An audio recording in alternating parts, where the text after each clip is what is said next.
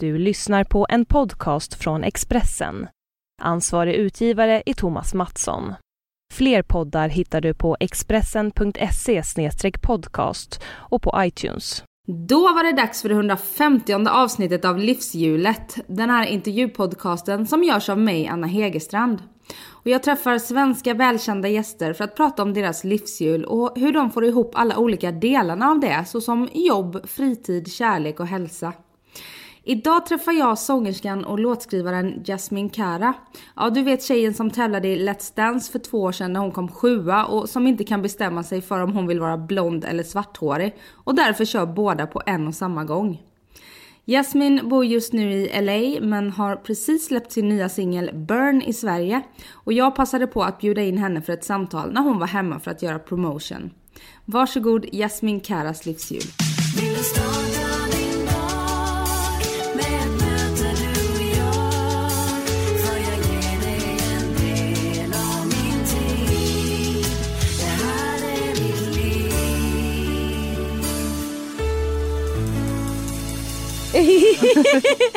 jag känner mig alltid som den luffigaste när jag får hit artister så här supermakeade, fina och sitter jag här i en så här stor kofta. Nej men du är naturligt fin, det behövs inte mer. Ja, det var snällt sagt. Men då kör vi då. Ja. Välkommen hit Jasmin. Tack snälla. Och då måste jag fråga så här i början av intervjun, säger man Jasmin eller Jasmin? Jasmin. Jasmin. Ja. Mm. Det är finare uttal Precis. tycker jag. Ah, jag vet inte, det blev bara så. Och du är hemma och för att promota din singel Burn. Ja precis. Ja. ja. Och bor annars i LA. Ja precis det stämmer. Ja. Mm. Så det ju, blev en kortis att komma hem nu och sådär. Det är alltid kul att komma hem lite. Eller mm. hem ja. Ja precis. Det För... blir väl alltid som hemma. och det var så roligt när, vi kan ju säga till lyssnarna att det är faktiskt killarna som har gjort min vignett till ja. livshjulet som du jobbar med. Ja precis. Som hörde av sig till mig och, och tipsade mig om att du var hemma. Ja. Och det är lite roligt. Ja verkligen, de och när... är otroligt duktiga. Ja förlåt. Ja, Albin och Niklas. Och, och när jag så fick höra om dig så tänkte jag, ja men gud hon var ju med i Let's Dance för ett par år sedan. Men jag har inte sett så mycket av henne sedan dess.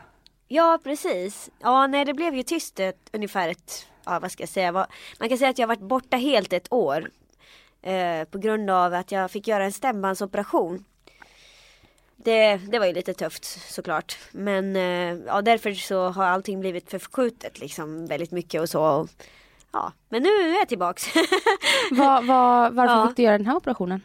Jo, eh, det var ju så att eh, jag har ju aldrig haft problem att sjunga sådär. Utan jag har ju kunnat gjort fyra timmars gig utan problem och så. Men, men just när jag läste in en ljudbok, eller ja min egen bok som en ljudbok då då så satt jag i ett rum i en vecka ungefär med jättehård AC och var förkyld redan och så sa läkaren att ja men då hade jag fått en inflammation efter det. Och då så sa läkaren att jag skulle vara tyst i två veckor och det kunde jag inte eftersom att jag hade ju massa Ja jag hade tv-program och saker som jag inte kunde ställa in för att jag hade liksom drömt om att få göra det. Så då tänkte man, och man förstod inte riktigt hur allvarligt det var heller. Men eh, ja, då blev det knutor på stämbanden då. Och eh, ja, försökte göra allting för att rädda upp det. Gick till läkaren kontinuerligt i LA och så sa han att ja, du får vara tyst en vecka, var tyst en månad liksom. Och det gjorde jag ju också, jag följde ju verkligen reglerna så. Men eh, ja, det gick inte att rädda upp så jag var tvungen att göra den här operationen då. Ta bort knutorna på stämbanden. Blev du rädd någon gång att det skulle kunna påverka din artistkarriär? Ja, hela tiden kan jag säga. Nej men det var faktiskt bland det värsta jag har varit med om men just också eftersom att eh, det har alltid varit som en eh, livräddare för mig att få sjunga sådär. Alltså musik har jag ju alltid haft trots det här men, men det blev inte samma sak. Det, det är en så himla viktig grej själsligt för mig att få göra. Att, att liksom kunna sjunga varje dag. Jag gör det varje dag liksom. Vad, vad det än må vara. Jag, jag skriver och det är inte bara mitt jobb liksom. Det är mitt liv kan man säga. Så att det var lite som att förlora lyckan i livet kan man säga. Mm. Men som tur är så kom ni ju tillbaka så det har ju stärkt den mycket. Och hur länge har du haft röst, rösten eh, frisk nu då? Eh, ja, alltså den är inte helt hundra än. Eh, för att ja, operationen gick kanske inte hundra procent men det kunde ju ha gått värre också. Och jag är bara tacksam att jag kan sjunga överhuvudtaget just nu sådär. Och jag fortsätter att träna upp den. Det är ju liksom inte riktigt, jag har inte lika stark eh, röst som jag hade kanske tidigare men jag hittar ju andra vägar nu och det är också lite intressant att se liksom att det blir lite annat sound men det blir också väldigt intressant och så här. Ja. Mm. Man får eh, gå runt hindren istället Ja. för att stanna vid dem. Och jag sjunger ju inte, alltså Anledningen till att jag sjunger är inte för att det ska låta bra utan det är ju för att jag älskar att göra det liksom. Så det, det har man ju i alla fall någonting att glädjas åt. Vilken tur att det låter bra också då. Det hade varit lite jobbigt annars. Det hade inte blivit så många sålda skivor. Nej. Men efter Let's Dance då för två år sedan, flyttade du direkt till, till USA då eller? Ja precis, jag hade redan liksom en fot där inne kan man säga. Men ja det var precis efter det som jag hade fått visumet att flytta då. Mm. Och hur kommer det sig att du drog? Jag har ju alltid liksom drömt om att eh, bo i USA och så men det var ju det att det tog väldigt lång tid att få visumet som Ja men, men det är självklart för att för min karriär som jag flyttade dit och Ja, eller ja inte bara men det, det var väl the major thing att jag flyttade till just LA Annars hade det nog blivit New York kanske För där har du bott tidigare vet jag. Ja precis, alltså fram och tillbaks där. Man kan väl säga att det är mitt hjärta som är där men ja. Lika mycket, alltså mycket så älskar jag ju att vara i LA men det är ju ändå New York som är mitt allt. Ja. som jag vill en dag till. Och du drog redan som 18-åring till New York. Ja precis. Har du alltid känt att Sverige är lite för litet för dig? Ja. Raka svar. Jo, nej men eh, ja, alltså det finns jättemycket som jag älskar med Sverige såklart. Och jag, jag är jättetacksam att ha fått växa upp här med den tryggheten som man har haft och mina bästa familj och vänner som man kan tänka sig. Men, men jag har ju alltid haft en längtan till USA. Jag har alltid på något konstigt sätt känt mig mer hemma där på något sätt. Men eh, det är klart, jag är ju också, det är ju väldigt mycket Det är underbart att komma hem då och då såklart hit och Ja, Ja, du är ju småstadstjej från början. ja Örebro. verkligen. Och det hör man ju ganska tydligt tycker jag. Ja visst. Gnällbältet ja. Mm. Ja. Har du hunnit vara där nu när du varit hemma då? ja, eh, två dagar hann jag med i alla fall. Så att eh, ja, jag åkte en, en dag innan Bingolotto och sen en dag innan, innan jag kom tillbaks hit så ja, igår var det. Mm. Men kan man säga att du bor i LA nu? Är det där som liksom, Ja precis, ja jag har ju lägenhet där och allt så. mm, var någonstans? Norra Hollywood är det. Mm. Lyxigt. Ja det är, det är underbart. Faktiskt. Ja. Hur ser livet ut där då? ja det är ju det är väldigt mycket jobb men det är också så här, det som är rätt skönt är att man kan ju faktiskt ta semester i sin egen stad när man vill. Alltså man kan ju ta en timma semester om man, om man så vill och bara gå ut och sätta sig vid, vid poolen i en timma och skriva istället. Och, ja, den möjligheten kanske inte finns lika mycket här. Nej, det är inte det. 30 grader. Ja, liksom. 11 månader om året i alla fall. Ja. Men har du mycket kompisar där och ett, ett liv om man säger eller är det bara för musiken du är där? Jo visst har man ett liv men jag, mitt, mitt liv är ju mest jobbet kan man säga. Så de flesta, liksom alla jag känner är ju via jobbet och, och jag, jag trivs så. Jag älskar ju att jobba så mycket så att ja. Så länge jag får jobba så är jag lycklig faktiskt. Det är lite konstigt men så är det. Och du satsar på en musikkarriär i USA då eller? Ja precis. Eller ja överallt kan man väl säga men, men just nu så är det kanske ganska mycket fokus på USA. Och hur går det då? Det är ganska tuff bransch, eller tuff marknad där borta vad jag har förstått. Ja, jo men det stämmer men det är väldigt eh, Jag tror faktiskt att det kan gå rätt bra där för att man har ju också så här Alla har ju något unikt liksom att lyfta fram och jag tror nog att eh, Ja, jag tror nog det funkar där faktiskt. Vad är ditt unika då? Ja men det är väl just det här eh, soundet tror jag som vi har skapat jag och Albin Niklas tillsammans och Och att man liksom, ja men du vet Aldrig ger upp. Det, det är det jag tror. Många, många åker dit och, och sen så testar de och sen så ger de upp liksom istället för att bara köra tills det går. Och det tror jag är, är väl kanske min styrka. Att jag har aldrig gett upp och kommer aldrig göra det heller liksom. Nej. Och du är 27 år idag. Ja, Ja, fyller 28 i år va? ja. Tiden går fort. Ja, När man har verkligen. roligt. Verkligen. vad är det som, hur, vad, vad, när du tänker på din karriär, hur Ja. upplever du den? Upplever du att du är där du vill vara? Eh, med tanke på din ålder och allt sånt där och hur länge du har hållit på eller Ja. vad tycker du om, om eh, där du är? Nej jag känner att jag håller på att börja nu faktiskt. Nej men jo, det, alltså jag har ju hållit på i en helsikes massa år. En, alltså, det var väl kanske någon gång när jag var 16 ungefär som jag verkligen började pusha ut för fullt ut. Eller 18 kanske när jag åkte till New York då. Men sen är det också så att man får ju också så här, har man inte något gratis så får man ju jobba kanske tio gånger mer. Men, men det är ju det jag tycker är kul också. Så jag, jag njuter ju av vägen dit såklart. Men, men jag känner ju att alltså, där jag vill vara det är ju, ja, jag börjar ju komma dit nu, sakta men säkert. Mm. Och så har du startat ditt eget skivbolag. ja, precis. Charismatic Music. Ja. Hur kommer det sig att du startade eget, eget skivbolag? Alltså dels var det ju för att ja, men jag, jag tycker om att ha kontroll över, över mitt eget skapande eller vad man ska säga. Så jag, jag vill inte liksom bli i någon situation där jag inte kan vara fri och liksom bestämma inriktning själv. Liksom, man får ofta höra att så här, ja men du måste hålla dig till ett sound för att annars förvirrar du fansen. Och jag tror inte på det utan jag tror att ja, folk lyssnar om de vill lyssna och liksom att ja men bara gör det du tycker är kul och så och det är viktigast. Det är, alltså att man själv känner det liksom. Så jag, jag tror inte på det här med mallar och att man ska skriva låtar som, som är radioanpassade och sådär. Det tror jag inte på. jag tror man ska följa hjärtat bara. Har du fått eh, många som, eller är det många som har försökt bestämma över dig?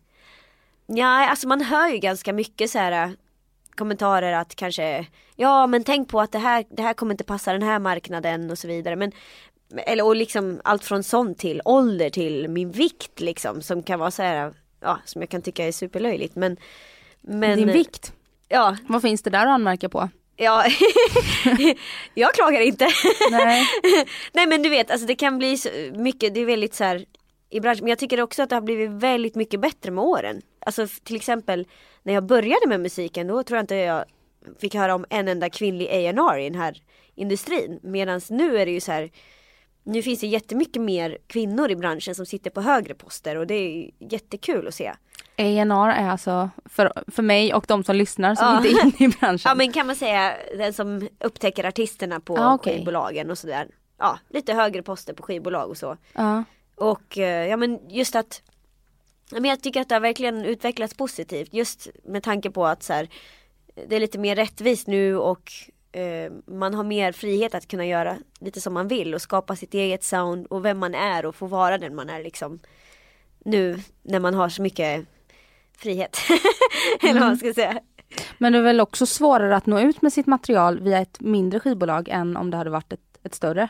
Ja, alltså förr tror jag nog det hade varit väldigt svårt. Men nu, man märker ju till exempel Ja men nu, vet, du kan ju sitta i ditt vardagsrum och göra musik och sen så blir den jättestor på Youtube.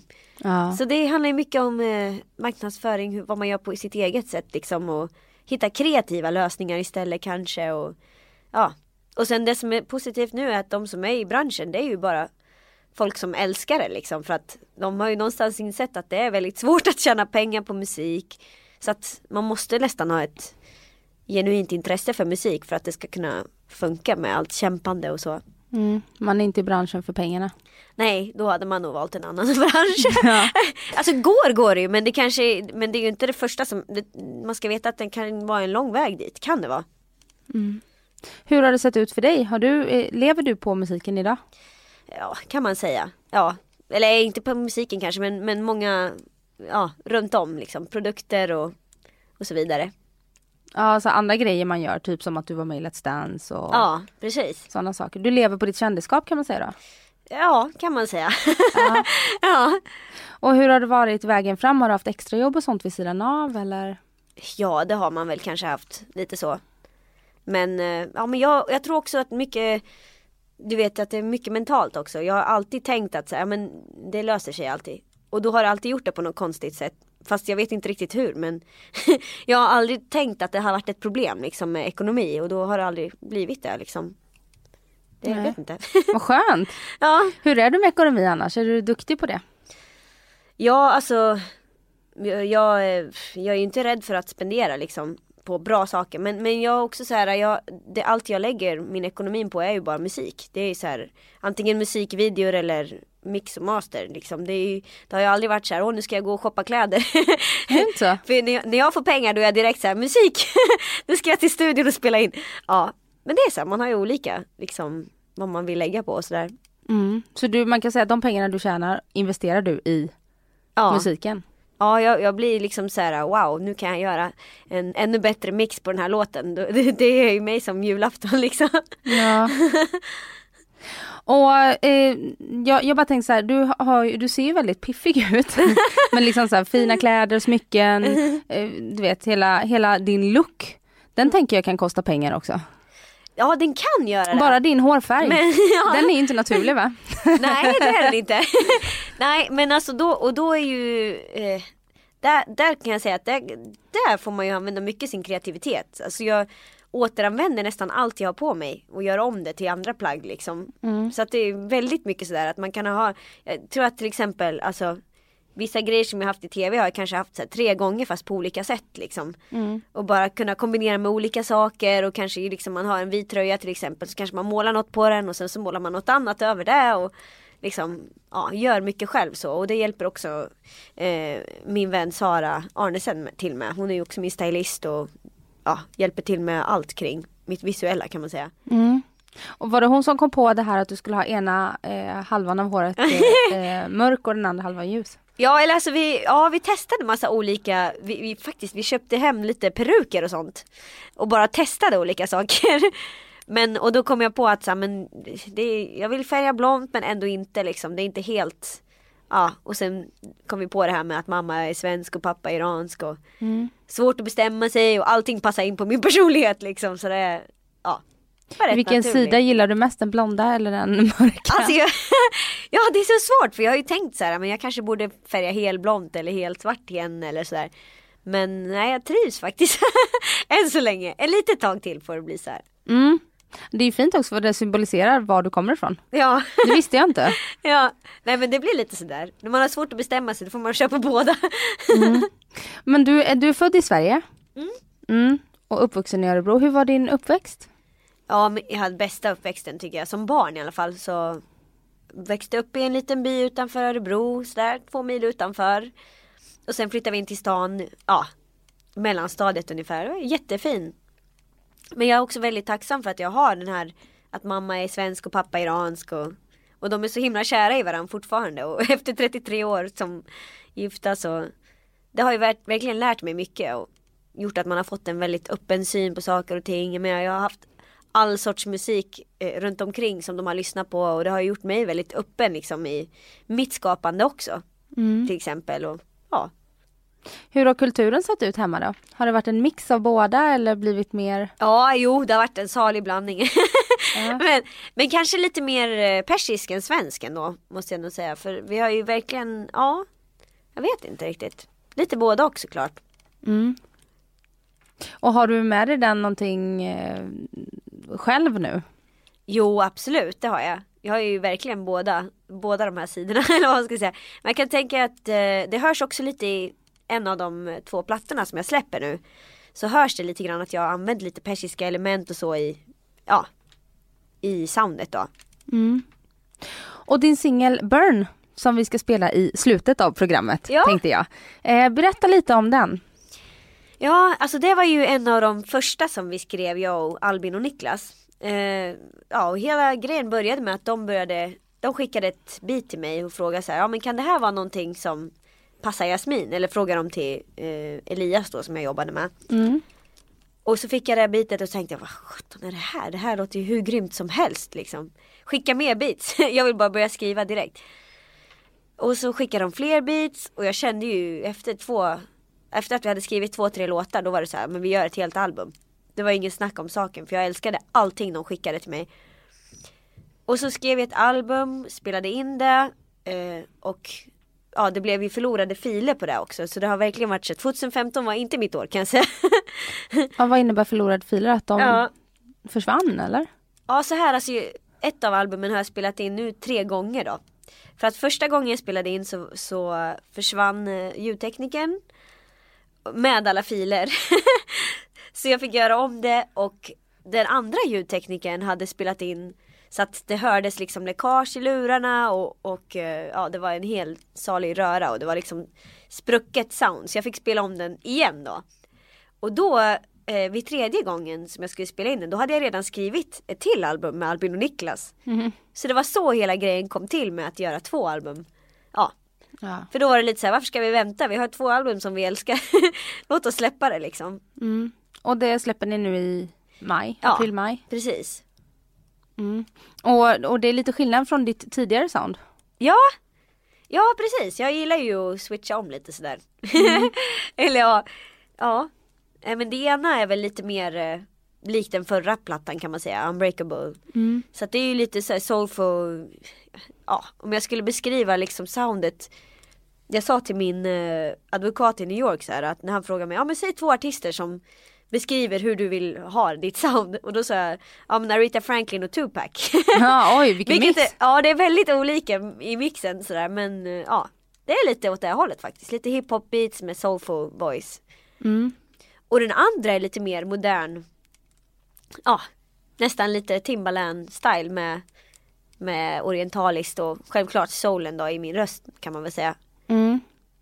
Kommer musiken hemifrån? Eh, Du sa att ni hade all slags musik hemma men har Ja. dina föräldrar varit musikaliska och sådär så att du har fått med dig det? Ja, de har inte varit musikaliska. men, eh, nej, men, men, men vi har alltid lyssnat på musik mycket hemma hos där. Jag kommer ihåg till exempel när pappa hade köpt med så här LP-skivor från loppmarknaden och, och vi alla bara stod och dansade hemma liksom. Vi har alltid haft en enorm glädje för musik. Mm. Men nej det är ingen musiker så liksom i familjen. Pappa har ju varit eh, busschaufför hela mitt liv liksom och mamma jobbar på dagis. Så på det sättet har man ju kanske fått så mycket gratis just med gäller liksom att ja, ha föräldrar i branschen och så har ju inte funnits på det sättet. Men man har ju fått mycket mer också som man inte kanske hade fått annars. Nej, var kommer ditt driv ifrån då? Ja det är ju av kärleken till musiken. Det är det ju. Ja. Alltså det ger en så mycket när det väl går bra liksom och när man får möta publiken och möta fans liksom och folk tycker om ens musik. Det är ju allt för mig. Mm. Det är lite som, vet Många känner med kanske förhållanden att de får uppskattning och så här och så, så känner jag med min musik. Det är min kärlek. Ja. liksom. Lever du själv idag? Ja det gör jag. Mm. Ja så det är Jag gillar faktiskt det. Det är rätt skönt. Vad är det som är så skönt med att vara singel? Nej men det är väl nog att, att man får mycket mer tid att kunna skapa och, och sådär. Men sen tror jag ju såklart att jag kommer nog inte kanske vara singel hela livet men just nu känns det rätt skönt. Faktiskt. Ja. Det är en ganska stark datingkultur i USA. Mm. Är du inne i den? Nej, Du är inte det? är jag inte alls. nej, nej, jag har inte gjort det på några år faktiskt om jag ska vara ärlig. Nej. Så man, ja, men, eh, men som, jag har ju aldrig haft samma, alltså jag har inte haft den drömmen just om att så här, skaffa familj och, och så. Det har ju aldrig varit min dröm i första hand kan man säga. Utan det, ja. Man får ta det som det kommer liksom. Men jag tror inte att jag skaffar barn och så. Nej. Nej. För jag vet att du levde ju med en man, Ja, eller en, en kille, du var ganska ung då, ja precis. som misshandlade dig. Ja, Eh, och som också ledde till, alltså arbetet efter den relationen ledde till att du skrev en bok. ja, visst är det knasigt. Ja, som heter Hälsa henne att hon ska dö. precis. Och den ja. kom ut 2010 när du var bara så här 22 år gammal typ. Ja. Ja, jag skrev ju den när jag var 18 ungefär. Men det var ju inte meningen att den skulle släppas heller. Det var lite så här. För att under tiden jag, eh, jag spelade in första plattan då. Och det tog ju bara två dagar att spela in eller något sånt där. Oj. Men den var färdig ett år innan den släpptes. Så den låg liksom i princip klar och, och medan jag väntade på att den skulle få släppas då när jag var signad för ett annat skivbolag. Så var jag så rastlös att jag började skriva bara så här. Ja också för att det var skönt att få, få ur det. Jag har alltid använt skrivande som en bra terapi liksom precis som musiken. Och sen så, ja det var lite komiskt för då så kom, eh, så sa skivbolagsdirektören där att Ja men du har du inte någon biografi som vi kan ge till journalister nu när vi ska släppa plattan och så här? Ja så här, absolut, hur långt ska jag skriva så här? Ja men ju mer desto bättre, sa han. Så då kom jag in med boken till Du skrev en bok. skrivbok. Och då blev det så. Ja. Och i den här biografin så, jag har inte läst den ska jag säga, Ja. men i den här biografin handlar det väldigt mycket om den här relationen. Ja. Ja precis, eller man kan säga att de första kapitlen i alla fall handlar om det. Och, och, men egentligen så är det, det låter ju väldigt så här. det låter ju väldigt deprimerande med tanke på titeln och sådär. Och visst, det har ju varit supertufft verkligen. Det var en jättejobbig grej att gå igenom och ja, bland det värsta såklart också i ens liv som man har gått igenom. Men, men det är också så här, syftet med boken var ju mycket mer att liksom hur jag tog mig ur det. Och, Mm. och mina verktyg för att kunna gå vidare liksom. Och, och det var väl det som gjorde att jag ville släppa den sen. Mm. För att så här, ja men kan man inspirera en så, så är det värt allt. att lämna ut sitt liv kan man säga. Ja, verkligen. Men om vi går från början då. Hur, hur lång tid tog det innan du märkte att relationen var destruktiv? För du var ganska ung när ni var tillsammans. Ja, alltså det var ju efter en månad ungefär redan som, som det började vända. Eh, Du var bara 13-14 år. ja precis. Och han var lite äldre eller? Nej, ungefär lika gammal. Ah, okej. Ja, Mm. så eh, Ja, men det, jo, men det tog ungefär en månad och sen så vändes det liksom väldigt drastiskt kan man säga.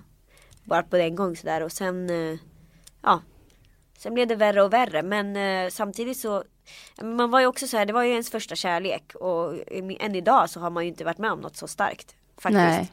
Det blir ju inte samma, jag vet inte, jag kan inte riktigt förklara men Och jag vet inte hur det, hur det kunde gå så långt än idag liksom att det Ja Hur länge var ni tillsammans?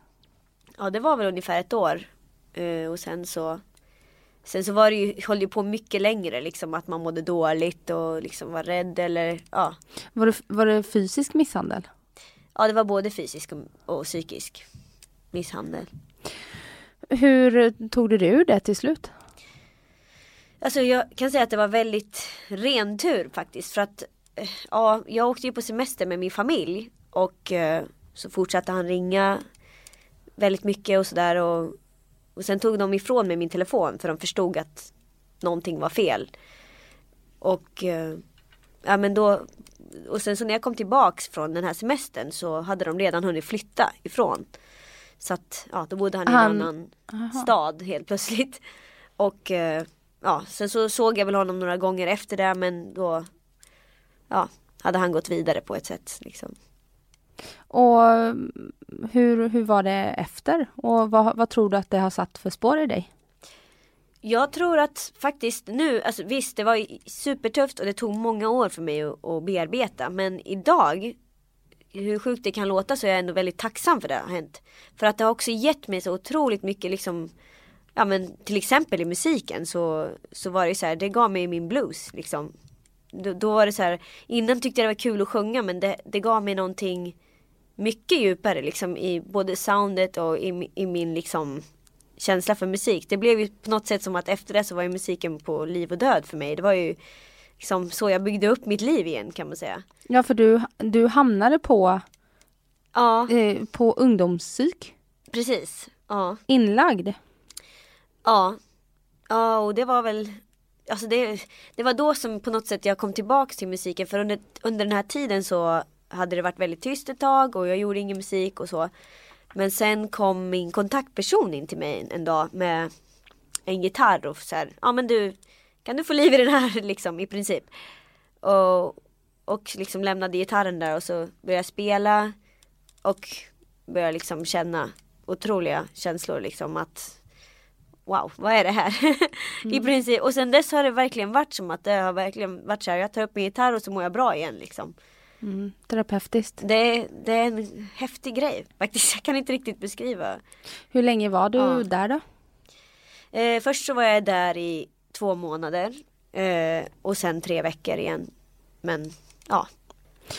Och när jag träffar dig idag så känns du som en ganska sorglös person. Ja, Eh, men har du eh, en svårmodighet i dig?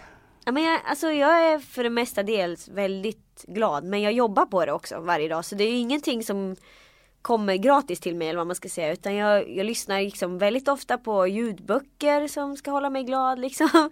Och eh, ja. Och sen också framförallt att jag håller på med musik som ett jobb. Det, det håller mig positiv. Mm. Och eh, tar du hjälp utifrån och går i terapi och så idag? Nej det gör jag inte faktiskt. Det behövs inte längre men jag, hade, jag behövde det ett tag kan jag säga innan det blev så här bra. Mm. Och hur, sen hur länge tillbaka upplever du att du har känt dig gladare och, och mer stabil? Eh, ja, man kan säga de senaste två åren kanske. Mm. Eller något sånt. Mm. Då förstår jag varför musiken betyder så otroligt Ja. mycket för dig. Och så, eh, du dricker inte alkohol heller? Nej, precis. Sen ganska många år tillbaka. Sju år ja. Ja. Det är ganska många år eh, Ja. när man är så pass ung. ja. Varför Jo. slutade du dricka alkohol? Nej men jag har ganska svårt att hålla limits. Ja, det är allt eller liksom, inget. Ja. Och det kanske är därför också man är som workaholic. För att det är allt eller inget liksom. Antingen Ja. Nej men jag, och sen så, jag menar det är klart det var ju så jobbigt att sluta i början när man går ut och så här med kompisar och alla är fulla. Men nu, nej det känns jättebra faktiskt. Jag ångrar inte ett dugg att jag slutat. Nej. Men du hade, inga, du hade inga problem utan det var att när du väl drack så, Ja. eller problem var det väl då men, men det var inte så att du kände dig alkoholiserad eller vad ska man Nej, säga? alltså man, nej men man, man fick, jag fick nästan göra ett val för jag visste ju också någonstans att ni vet man turnerar mycket, man blir alltid bjuden på alkohol och så här och då om jag inte säger nej från början då kommer jag ju fastna där liksom. Hur reagerar Ja. folk när du tackar nej till alkohol idag? Ja det är lite olika faktiskt. Jag tycker att det är mer accepterat konstigt nog i LA än här. Eh, För där tänker man ju att det är världens partystad och det är mycket droger och sådär. Men det är, jag har faktiskt fått eh, bra så här, wow, good, good for you man liksom. Det är väldigt hälsoinspirerat i LA. Ja. Jo men verkligen så, det är det ju men Ja och sen just kanske, jag vet inte för att alla dricker där liksom eller tar droger mer än dricker kanske då. Ja. Är det mycket droger i branschen? Mycket droger, ja. Mm. Hur eh, har du kommit i kontakt med det och blivit liksom pushad till att testa eller sådär? Ja det är klart men jag har ju inte, nej jag, jag känner inte att jag behöver det heller faktiskt. Så, nej usch. Nej, och är man allt eller inget så kanske man ska låta bli att testa den där enda gången också. Jo men det är ju så. Ja men visst jag menar man har ju när man har varit yngre så kan man, kanske man har inte varit världens helgon liksom. Mm. men eh, nej som tur är så fungerar inte det på mig utan det, ja. Jag behöver inte det riktigt känner jag. Och hur, hur eh, hälsosam annars är din livsstil då? Skulle du säga? Med Oh. kost och träning och sömn och vila och sådär. Alltså den är upp och ner väldigt mycket. Det är ju så här precis som allt eller inget liksom. Alltid, antingen så ska man äta allt onyttigt eller ingenting.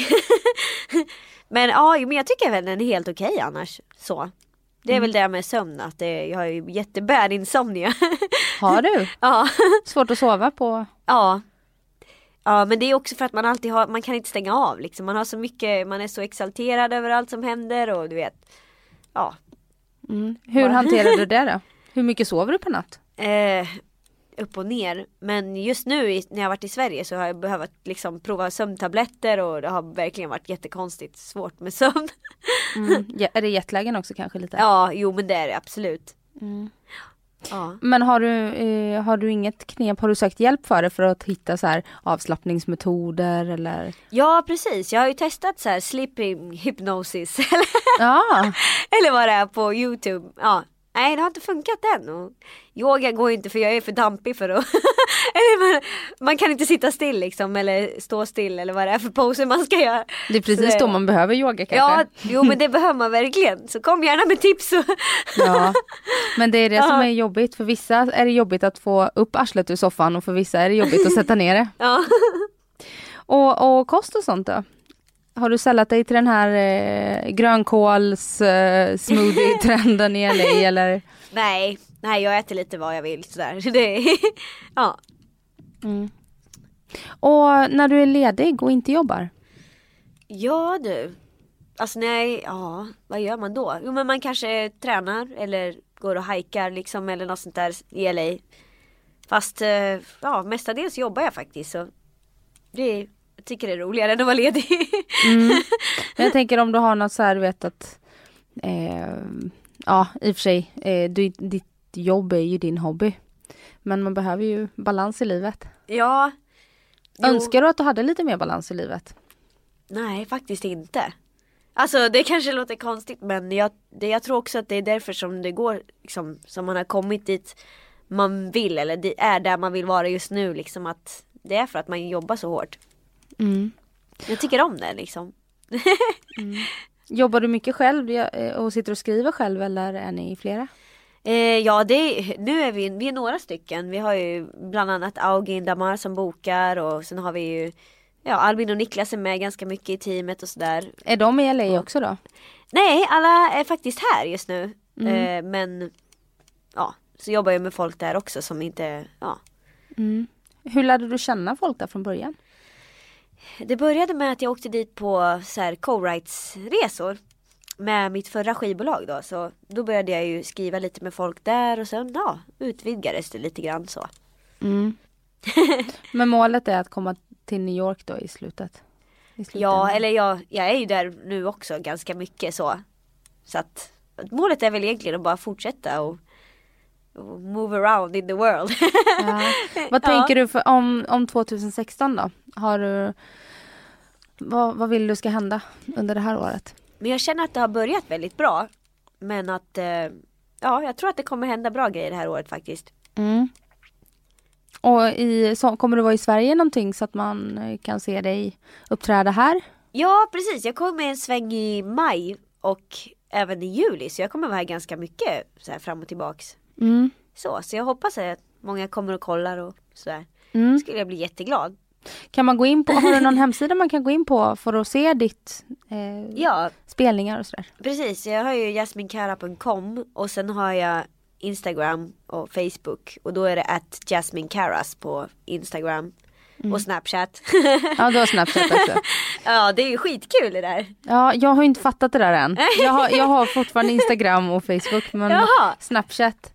Jag vet inte, Ja. jag har fått för mig att jag är lite för gammal för det. Jag är 33. Nej gud, det är man aldrig för gammal.